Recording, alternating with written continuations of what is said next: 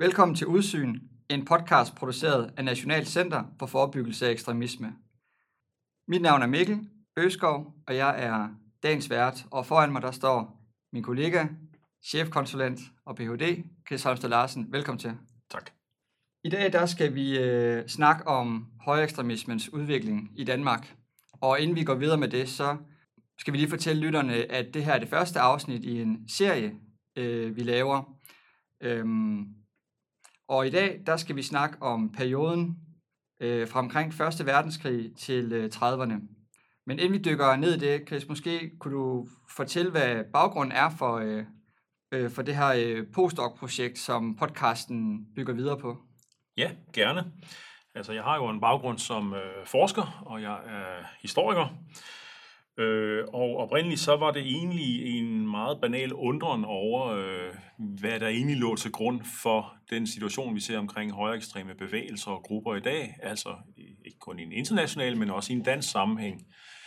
Øh, og man kan sige, øh, vi står som samfund, som demokratisk samfund i dag over for nogle udfordringer. Det gør de fleste europæiske lande, hvor, hvor der i hvert fald er tegn på, at der udgår øh, en stigende risiko for for, for højere ekstrem motiveret vold eller højere ekstrem motiveret terror lige frem.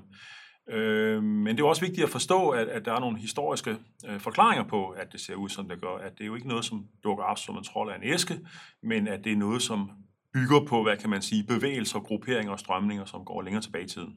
Og øh, hvad tænker du, at den viden, vi har her fra øh, dit forskningsprojekt, og som vi skal snakke om senere her i podcasten og de efterfølgende serier, Hvordan bidrager det i en forebyggelseskontekst? Jamen, jeg tænker jo fra et myndighedsperspektiv, så, øh, så har vi jo også som samfund øh, faktisk lange erfaringer med at øh, til dels forebygge, men jo også øh, i særdeleshed at bekæmpe øh, ekstremistiske strømninger i vores samfund, især øh, når de forvandler sig til noget, som, som kan opfattes som en trussel imod vores demokrati. Øh, så man kan sige, mange, mange af, af de, de indsatser, de strategier, øh, de forståelsesmåder, vi har i dag af ekstremisme, af, af, øh, ekstremisme, det er jo noget, der bygger på, på nogle historiske erfaringer, som vores samfund har gjort sig øh, tidligere. Øh, ikke mindst i, i, i, i mellemkrigstiden og 1930'erne, hvor vi så skal beskæftige os med, øh, med mellemkrigstiden i dag. Lad os øh, gå til øh, tiden omkring Første Verdenskrig. Men inden vi starter der, så vil jeg egentlig godt lige gå øh, måske lidt tilbage og så stille spørgsmålet. Øh, er der ikke strømninger, som leder op til perioden omkring Første verdenskrig, som kunne være nær, øh, kunne øh, give mening at gå ind på? Jeg tænker for eksempel øh, den franske revolution. Det er jo tit et historisk udgangspunkt, som har haft betydning for, for mange ting i historien. Jo, så absolut. Øh, man kan sige, at vejen til vores nutidige liberale demokrati øh, har jo været lang og stenet. Øh, og et langt stykke hen ad vejen ikke nogen selvfølge, altså, hvor det også har været en kamp med, med kræfter, som har ville noget andet end demokratiet.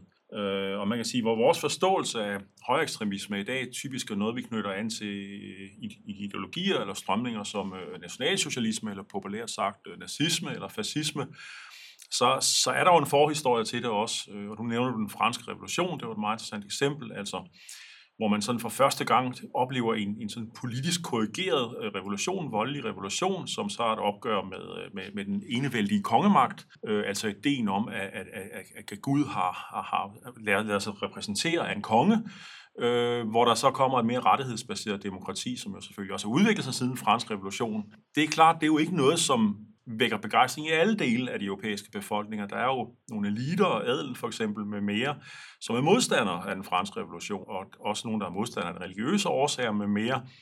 Øh, så man kan sige, det er jo allerede omkring en fransk revolution, at det er jo en kamp mellem nogle systemer, nogle, nogle grundanskuelser af, hvordan vores samfund skal reageres og forstås sådan rent politisk, hvor der også er nogle strømninger, som går i en meget, meget øh, reaktionær retning, altså hvor man ønsker den ene vælden tilbage med mere Øh, og det er sådan set en foregående, meget korte historie i hvert fald, foregående, hvad kan man sige, sådan, sådan en bevægelse, som vokser frem i, i, i omkring det her slut, slutningen af 1700-tallet. Øh, men det er vigtigt, at, altså det vi så forstår ved ekstremisme i dag, er typisk knyttet til de her moderne, moderne øh, totalitære ideologier som øh, fascisme og herunder nazisme. Lad os hoppe tilbage til øh, perioden omkring øh, Første Verdenskrig. Øhm, vi står i en situation, hvor at de store imperier, som det tyske kejserige, det østrig-ungarske rige og, øh, og Tsar-Rusland, er, øh, er støttet i grus. Øh, millioner af mennesker er døde på slagmarken som følge af krigen. Hvorfor giver det mening at starte ved Versailles-traktaten og, og tiden omkring Første verdenskrig, når vi skal undersøge højekstremisme i en dansk kontekst? Det gør det jo, fordi på mange måder de ideologier, som ligger til grund for højere ekstremisme, også i en dansk sammenhæng, men jo i ja, hele i samtlige de vesteuropæiske samfund, jo vokser ud af ruinerne af Første Verdenskrig. Øh, altså det er jo vigtigt at forstå, øh, eller det er måske svært at forstå i dag for de fleste, hvilket chok Første Verdenskrig er for vores, hele vores vestlige øh, civilisation ikke kun er millionvis af unge mænd øh, gået til på slagmarken i skyttegravene, øh, men også selve troen på, på, på, på, på, hvad kan man sige, det politiske fundament på, på, på vores samfundsorden lider et alvorligt knæk øh, i det her blodbad, som Første Verdenskrig var.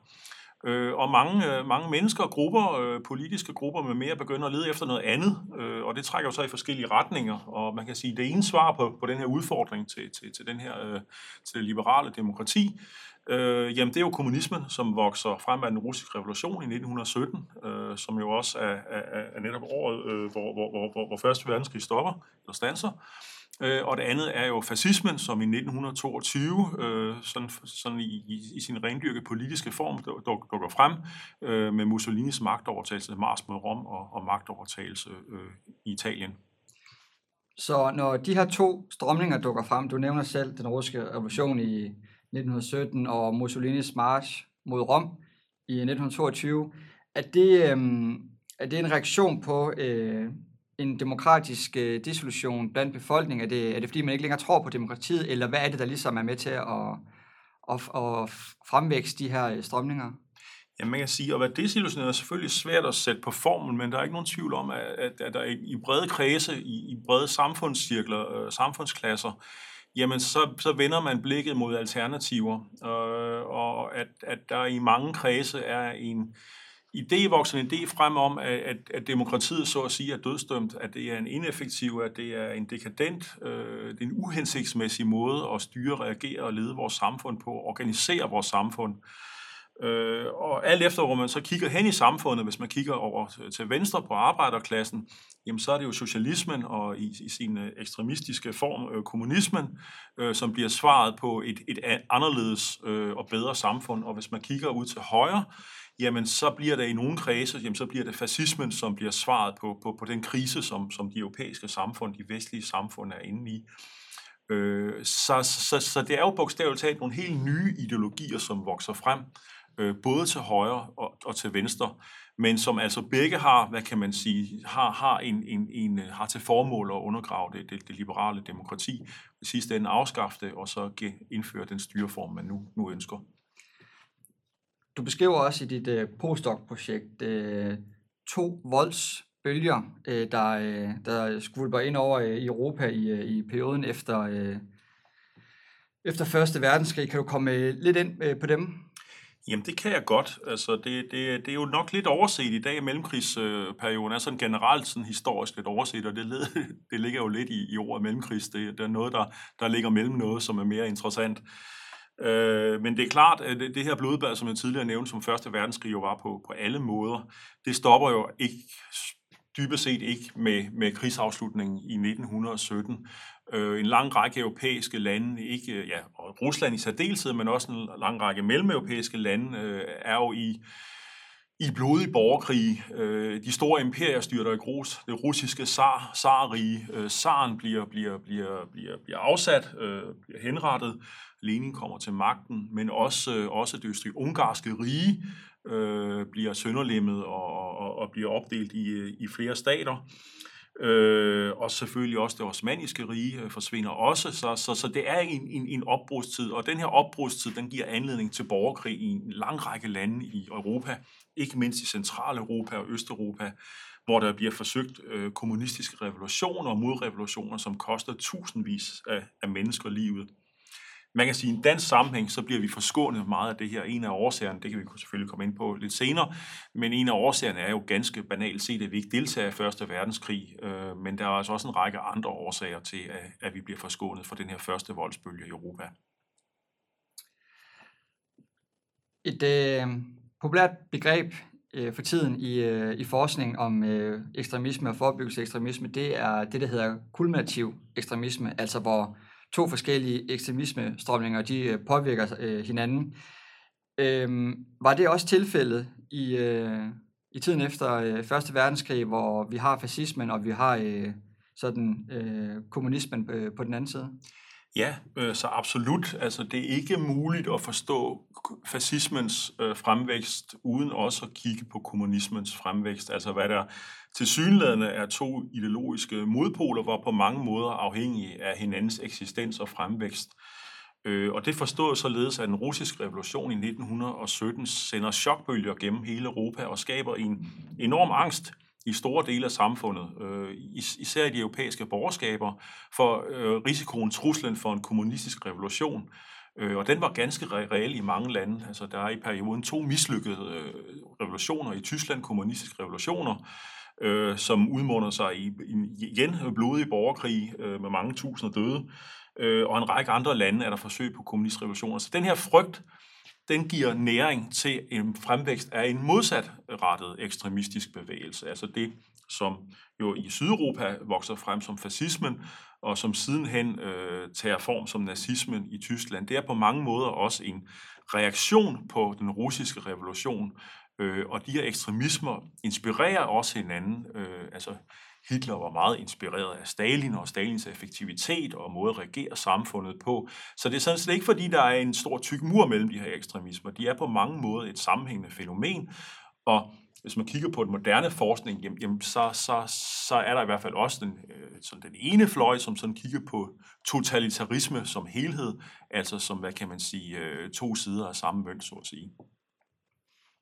Her i starten, der var vi lidt ind på nogle af de strømninger, der har, øh, der har betydning for øh, højekstremismens udvikling i Danmark. Vi var kort ind på den, øh, den franske revolution, men jeg kunne egentlig også godt tænke mig lige at gå et stykke tilbage igen nu og spørge, spørge dig om, hvad øh, om øh, krigene i øh, Slesvig og Holstein tilbage i 1848 og selvfølgelig øh, 1864. Er det noget, der har øh, der påvirker øh, den udvikling, vi ser i Danmark. Hvad med Sønderjyllands genforening og, og påskekrisen? Har det en indflydelse på det? Jamen altså, Danmark ligger jo på mange måder som sådan et lille europæisk smørhul i, i det her kaos, øh, den her storm, som Første Verdenskrig munder ud i. Øh, og nu nævnte jeg, at vi ikke deltager i Første Verdenskrig, øh, men det er jo også en sandhed med modifikationer. Man skal huske på, at størstedelen af det, vi i dag betegner som Sønderjylland, jamen det var jo en del af Tyskland på det tidspunkt, så det danske mindretal, som var på den forkerte side af grænsen, jamen de var selvfølgelig indkaldt og kæmpet øh, på tysk side. Øh, men i det store hele, så kom Danmark jo godt ud af Første Verdenskrig i, ja, på faktisk øh, flere måder. Men man kan sige dels økonomisk, fordi at, vi har formået at, at, der hvad kan man sige, sige, få det bedste ud af krigen, i den forstand, at vi fortsat kunne sælge vores varer til de krigsførende øh, magter, ikke mindst til Tyskland, som vi jo havde en, en naturlig sammenhæng med øh, på det her tidspunkt. Øh, og dels så får vi jo også, øh, og det skaber jo også en økonomisk, hvad kan man sige, stabilitet, i hvert fald frem til, øh, der kommer noget turbulens i 20'erne, det kan vi vende tilbage til, øh, som jo gør, at det bliver sværere for ekstremistiske bevægelser at rekruttere, også, øh, også for den kommunistiske oven på 1917. Og, men den anden væsentlige ting er jo, at, Første Verdenskrig jo giver anledning til en grænserevision. Øh, det er selvfølgelig også en, en væsentlig, væsentlig forklaring. Det er også tit sådan, at øh, økonomiske kriser, de har det med at puste ild i øh, ekstremistiske bevægelser. Og øh, selvom at øh, børskrækket på Wall Street i 1929 ligger inden for øh, det her afsnits udgangspunkt, så tænker vi, vi venter med det til øh, næste afsnit, som handler om 30'erne, fordi du der ligesom virkelig fik fat. Men vi har jo også et, øh, et lille lokalt eksempel øh, fra, øh, fra sagen omkring øh, Landmandsbanken. Mm. Skandalen der omkring. Hvad fik den egentlig af betydning, og hvad var det for en skandale? Ja, nu kan jeg, lige, jeg kan lige vende tilbage til det med 1864, for det fik jeg sådan set ikke helt, helt afrundet, så tager vi Landmandsbanken. Ja. Øh, fordi en væsentlig ting er jo selvfølgelig 1864, at der er jo et grænsespørgsmål i Danmark, mellem Tyskland øh, og Danmark. Øh, og vi tabte jo som bekendt krigen i 1864, som jo ledte til en øh, grænse, at grænsen rykkede gevaldigt mod nord, øh, som jo i hvert fald ikke var i dansk forvør, så et meget stort dansk øh, mindretal øh, ender øh, som del af det tyske kejserige. Øh, men i 1921, man sige, som, som, som, som udløber af, af, hvad hedder det nu, øh, udfaldet af Første Verdenskrig, jamen så, så bliver det jo besluttet, at man skal lave en folkeafstemning øh, i Sønderjylland, Nordtyskland eller Slesvig, øh, om øh, hvilken del, der skal enten være tysk eller dansk. Og det var sådan set en meget mindelig demokratisk måde at afgøre det på, i den forstand, at det var der, hvor der var flertal for enten for at være tysk eller dansk, øh, at man så blev det ene eller andet. Øh. Det, og det var den øh, radikale regering med, øh, med, Sale, med Sale, som, øh, som stod for den beslutning, ikke? Det er nemlig rigtigt, øh, og man kan sige, det, er jo, det, det løser sådan set et, et, et trone, en trone etnisk konflikt, den etniske konflikt, som grænselandet jo har været i mange år, som 1864 jo også var en udløber af, at man enten var utilfreds med at være på dansk eller tysk side. Øh, så på den måde, så kan man sige, så, så, så slipper vi faktisk af med en etnisk konflikt. Men det er rigtigt, det giver jo anledning til, til, til, til, til, til påskekrisen, som, som, som jo netop i høj grad, øh, eller jo primært er en strid omkring grænsedragningen, hvor der jo er øh, i Danmark øh, ikke udbredt tilfredshed, i hvert fald i nogle politiske kredse, med øh, den aftale, man har lavet. Altså man, man ønskede, af områder, også områder, hvor der var tysk flertal i den her afstemning, skulle indlemmes i Danmark. Øh, og det giver jo så anledning til, at kongen ender med at afskedige øh, regeringen Sale, øh, som jo så faktisk ender i en situation, hvor hvor, hvor, hvor Sale-regeringen eller arbejderbevægelsen øh, i en bredere forstand jo faktisk tror med det, der, der, der på et tidspunkt nærmest ligner revolutionære tilstande. Øh, det bliver så afværget, og, og dermed kan man sige, så, så har vi fortsat et monarki i dag, blandt andet af samme årsag, men det kunne nok have endt, endt ganske anderledes, hvis den her situation den var eskaleret. Men det er altså grænse, striden om grænsedragningen. Så man kan måske også sige, at påskekrisen, udover at have noget at gøre med, med grænsedragning, så er det jo også måske en eller anden form for afslutning på nogle af de tendenser, du snakkede om i starten med øh, øh monarki og demokrati, som, som blev skabt i kølvandet på den franske revolution og op igennem 1800-tallet. Ja, absolut, og man kan sige, det er jo også med til at give medvind til yderliggående øh, højre, øh, hvis ikke ligefrem højre ekstreme, så højre radikale kræfter, øh, fordi det puster til en ultranationalisme, som, som, som jo har ligget latent siden 1864, øh, så, som giver medvind til, til, til nogle af de her grupperinger, og også giver grobund for nogle af de her strømninger udefra, øh, som altså er ultranationalistiske, øh, og som også er grundlæggende, grundlæggende utilfredse med, med det parlamentariske demokrati, og som jo også har nogle fjendebilleder, som, som ja, det kan dels være, være, være venstrefløjspolitikere, og det kan være arbejderbevægelsens øh, repræsentanter, men også antis, antisemitisme for eksempel, altså antijødiske fjendebilleder vokser frem i den her periode også, ja, måske det hænger også sammen med en krise omkring Landmandsbanken, det kan vi måske vende tilbage til. Ja.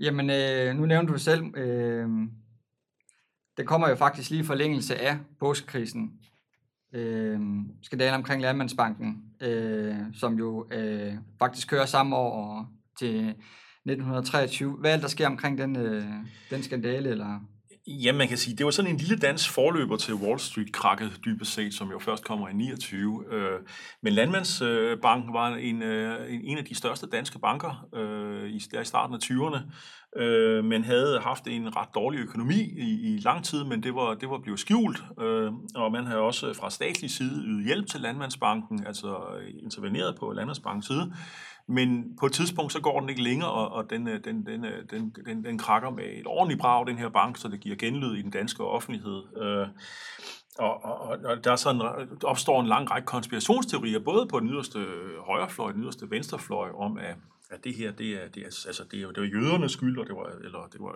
et tegn på, at kapitalismen var, var råden, eller et, det parlamentariske demokrati var råden og korrupt osv. Så, videre. så det bliver ligesom sådan en, øh, en, en ventil, øh, som giver luft til, til en række af de her ekstremistiske strømninger i tiden. Øh, og på den måde, så kan man sige, at den bliver sådan lidt en forløber til, til noget af det, vi ser tidligere, eller senere omkring øh, øh børskrakket. Lad os vende blikket mod øh, sådan det højere ekstreme og højere radikale ideunivers. Øh, idéunivers.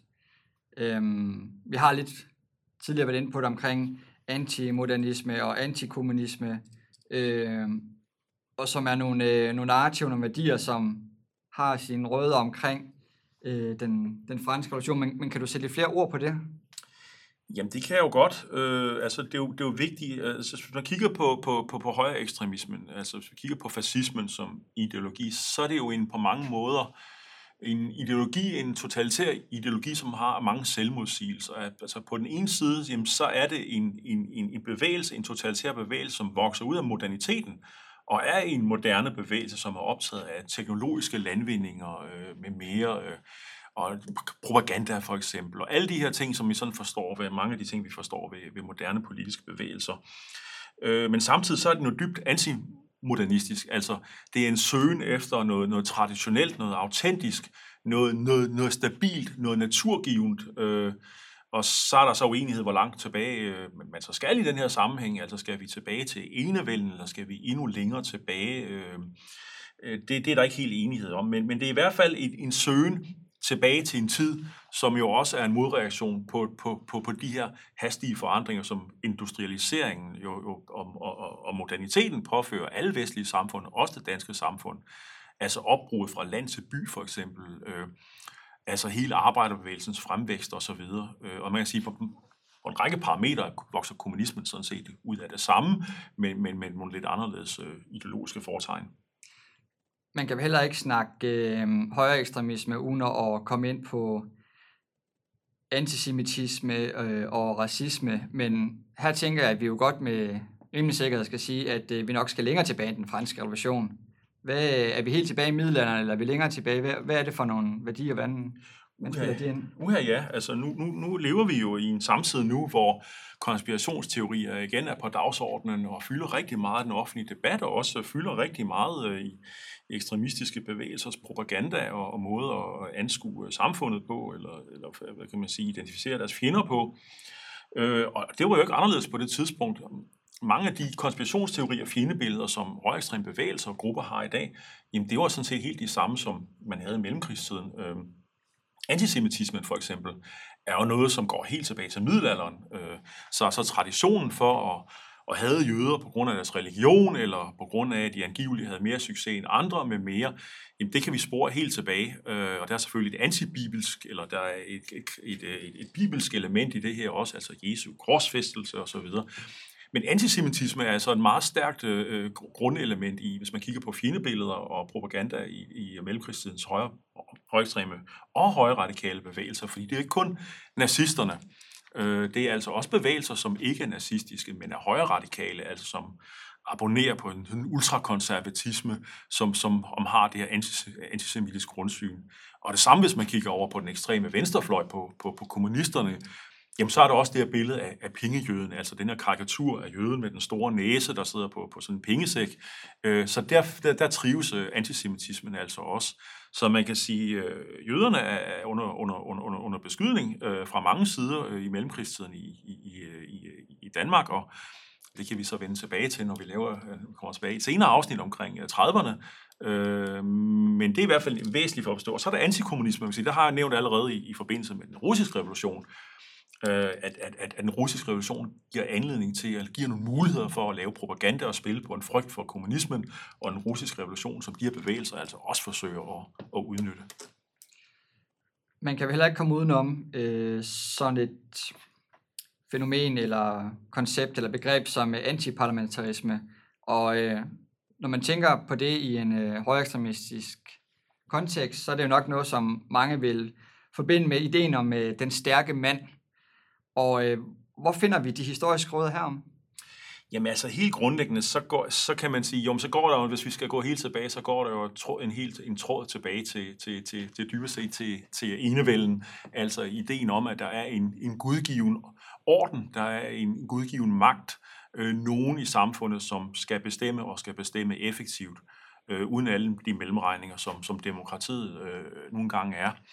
Øh, så grundlæggende så handler det jo om, at, at man i, i de her højekstreme bevægelser øh, jo ser demokratiet som ineffektivt, og man ser det som anledning til splittelse i samfundet øh, øh, mellem arbejderbevægelse, borgerskab osv., så man ønsker simpelthen en stærk mand, der kan rydde op i det her. Øh, og så er der så lidt forskellige varianter af, hvem den stærke mand så skal være. Øh, I Tyskland så bliver det jo øh, Adolf Hitler sidenhen, øh, altså føreren øh, i øh, Mussolinis øh, Italien, jamen der bliver det Mussolini, altså der er nogle små forskelle i, hvad, hvad kan man sige, øh, hvad det nu er for en diktator, der bliver, men også en rent ideologisk. Men der er også en grundtanke i, i den Frank, sammenhæng. Franco i Spanien, ikke? Franco i Spanien. Men der er jo også øh, kredse i Danmark, som ikke, ikke er, er nazistiske, og som ikke er fascistiske, som hylder ideen om, at en stærk mand skal til magten for nu at rydde op i det her angivelige kaos, øh, som samfundet er, og sætte kommunisterne på plads og så videre, så kunne der være en stærk industrileder eller noget helt andet eller tredje. Så den her totalitære tidsånd, som jo i vid udstrækning præger 30'erne, og som ikke kun er knyttet til øh, højere ekstremistiske grupper og bevægelser, men øh, sådan en, en tidsånd simpelthen af, af, af, af, om, omkring den stærke mand, det er altså noget, som går igen mange steder. Hvis vi lige så skal sådan samle lidt op på den periode, vi har været igennem, altså fra tiden omkring Første verdenskrig og 1920'erne, hvad var det så egentlig for nogle grupper og miljøer, der opstod i den her tid, og hvad foretog de sig for at skabe forandring? Og var det her var det et, øh, et by- eller et øh, uh, landsamfundsfænomen?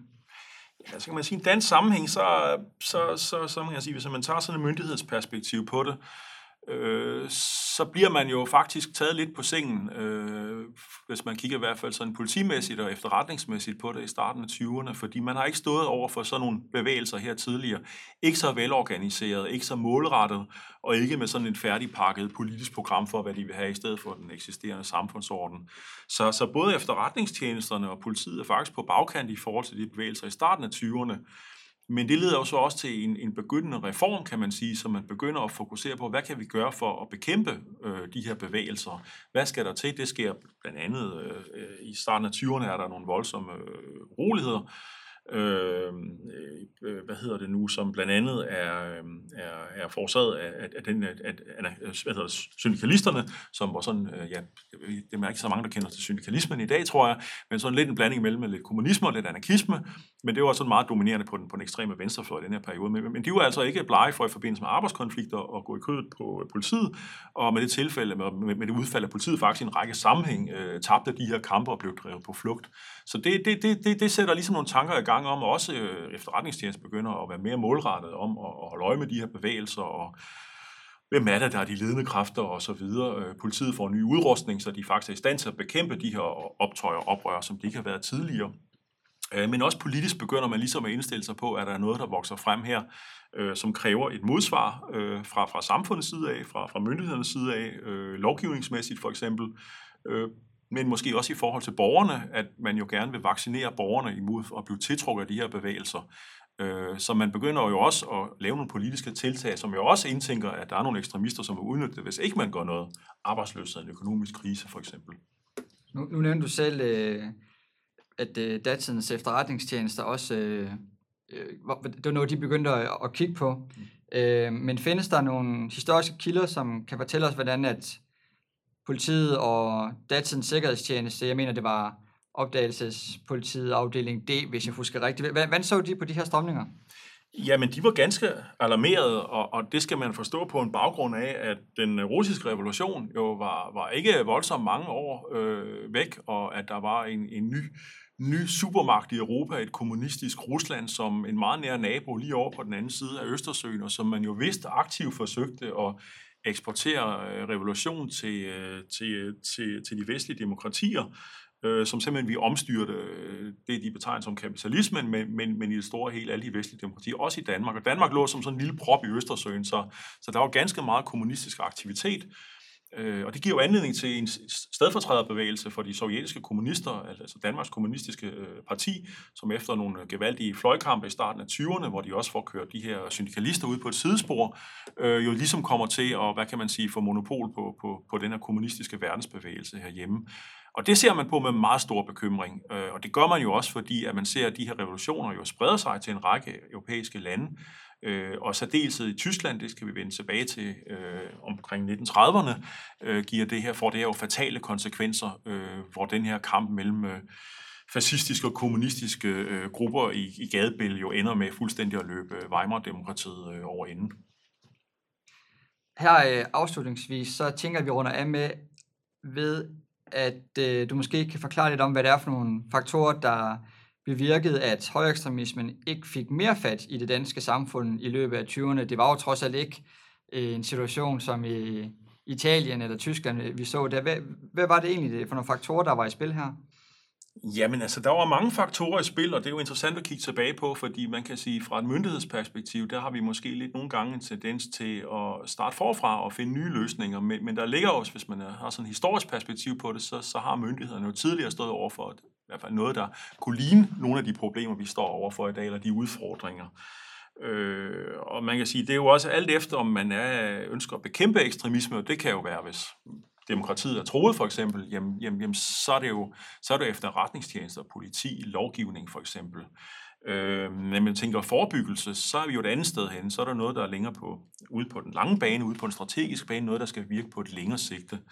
Øh, og der kan man sige, alt andet lige, der var vi jo heldig stillet i Danmark, at der i den danske befolkning historisk set var og er meget stor opbakning til demokratiet, hvilket jo gør, at folk er mindre tilbøjelige til at, hvad kan man sige, hoppe på den propaganda, der nu kommer fra de her øh, ekstremistiske bevægelser. Noget andet helt grundlæggende er jo økonomien. Altså går det godt i samfundet, har man arbejde, har man et godt liv. Det er klart, hvis, hvis, hvis den enkelte borger ikke er tilfreds med sit liv, øh, jamen så er der selvfølgelig også en tendens til at kigge, en større tendens til at kigge efter alternativer andre steder.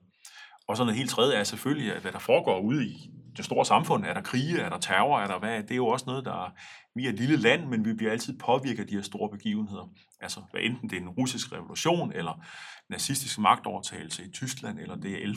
11. september, øh, World Trade Center, eller hvad det er, jamen så har det selvfølgelig konsekvenser, øh, også for de hjemlige bevægelser.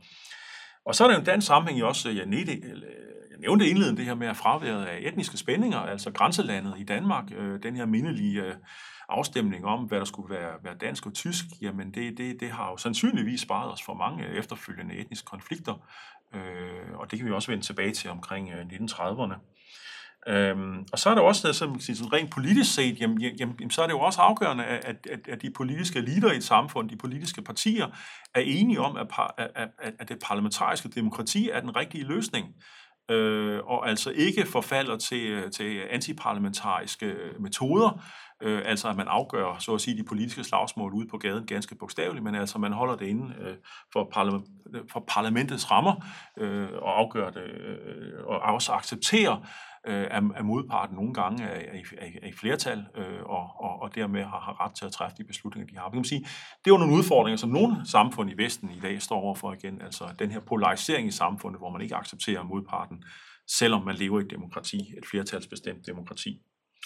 Og så måske også bare afsluttende også bare at sige, at, at set fra sådan et historisk perspektiv, jamen, jamen så, så er det også vigtigt, at, at, at vold på politisk vold har ikke nogen, nogen stor øh, tradition i Danmark, hvis vi kigger i hvert fald på komparativt i forhold til Tyskland, Italien, øh, andre lande, som har haft voldelige revolutioner, jamen så er der ikke samme tradition for, at man anvender politisk vold og terror øh, til at fremme sin politik. Så man kan godt i Danmark have ekstremistiske bevægelser, både til højre og venstre og radikale bevægelser, men det er ikke det samme, som de nødvendigvis er voldsberedte, øh, og ofte så er de så det typisk kun i teorien i hvert fald. Øh, og det er jo også noget traditionsbestemt, noget, der har en historisk øh, baggrund.